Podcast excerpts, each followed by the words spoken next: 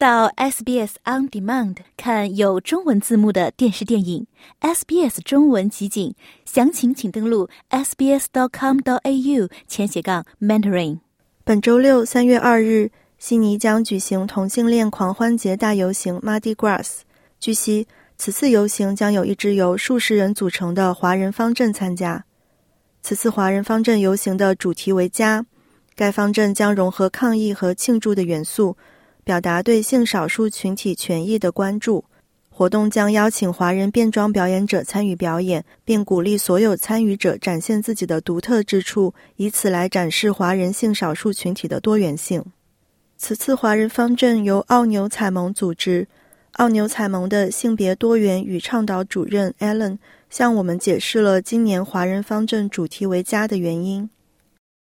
因为就是在。我们是一个华华人的一个组织嘛，然后其实，在在中国或者在香港，甚至在台湾、马来西亚这些有华人的地方，然后，嗯，性少数群体其实面临的挑战还是蛮多的。就比如说，我是来我来自中国，就是第一是在在国内，嗯，性少数群体婚姻没有平权，然后社会上就会有很多歧视，有的时候你出柜也出不了。然后家人可能也不理解，甚至可能会逼你去去结婚，或者是带你去做性别矫正或者性取向矫正之类的。然后，其实这这些问题就是，这个就是等于说让中嗯讲华语的性少数群体在出柜的时候，就等于说失去了他的家人。就比如说我我我当时跟我妈妈出柜之后，然后我妈妈就跟我断绝了关系。其实当时我就是在一个非常，就是啊没有人要的一个状态，会让我觉得非常孤单。但是后来我就找到了社群，然后社群等于说是我的第二个家，就是相当于是我的 chosen family 的感觉。对，然后就是因为在社群里，嗯，他们能给我提供一个，嗯。不带任何的 judgment，然后包容，然后尊重我所有的，尊重我的性取向，尊重我的性别表达，就是接受我的一切的一个环境。然后这些东西其实都不是原生家庭或者是你出生的那个国家能给到你的东西。所以我们这次想，呃，想说主题是家的话，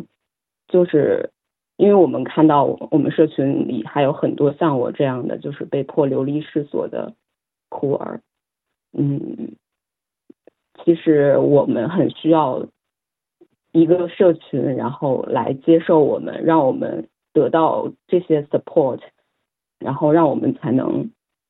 嗯，好好的去生活，好好的活着。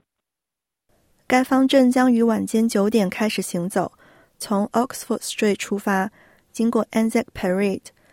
当日参与者将共同在横幅上书写标语，表达他们的心声和对其他群体的支持。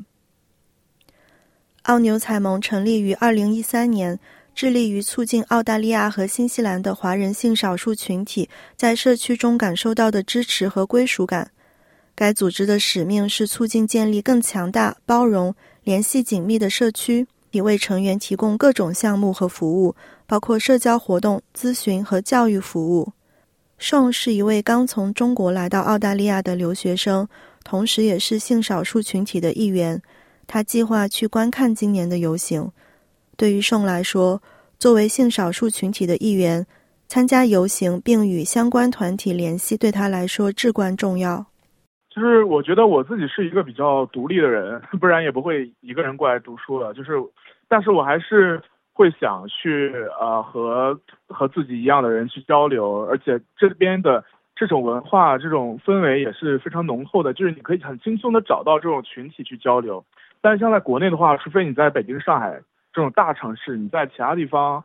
呃，大家都是隐形的，你也不知道哪儿有这种东西，你也不知道哪里能聚集到一起。所以我来的话，我肯定要抓住这个机会，我要去呃多和大家交流，而且是。呃不同不同国家的，就是非常多元化的一个群体，而且互相交流的话，就是，嗯、呃，我自己是没有心理啊，没有认同这方面的问题，但是我据我所知，有些呃国内的性少数群体，他们是还是有还在纠结啊，还在不敢承认自己这方面，就是，呃，我觉得如果他们有这个机会的话，他们就可以获得一些，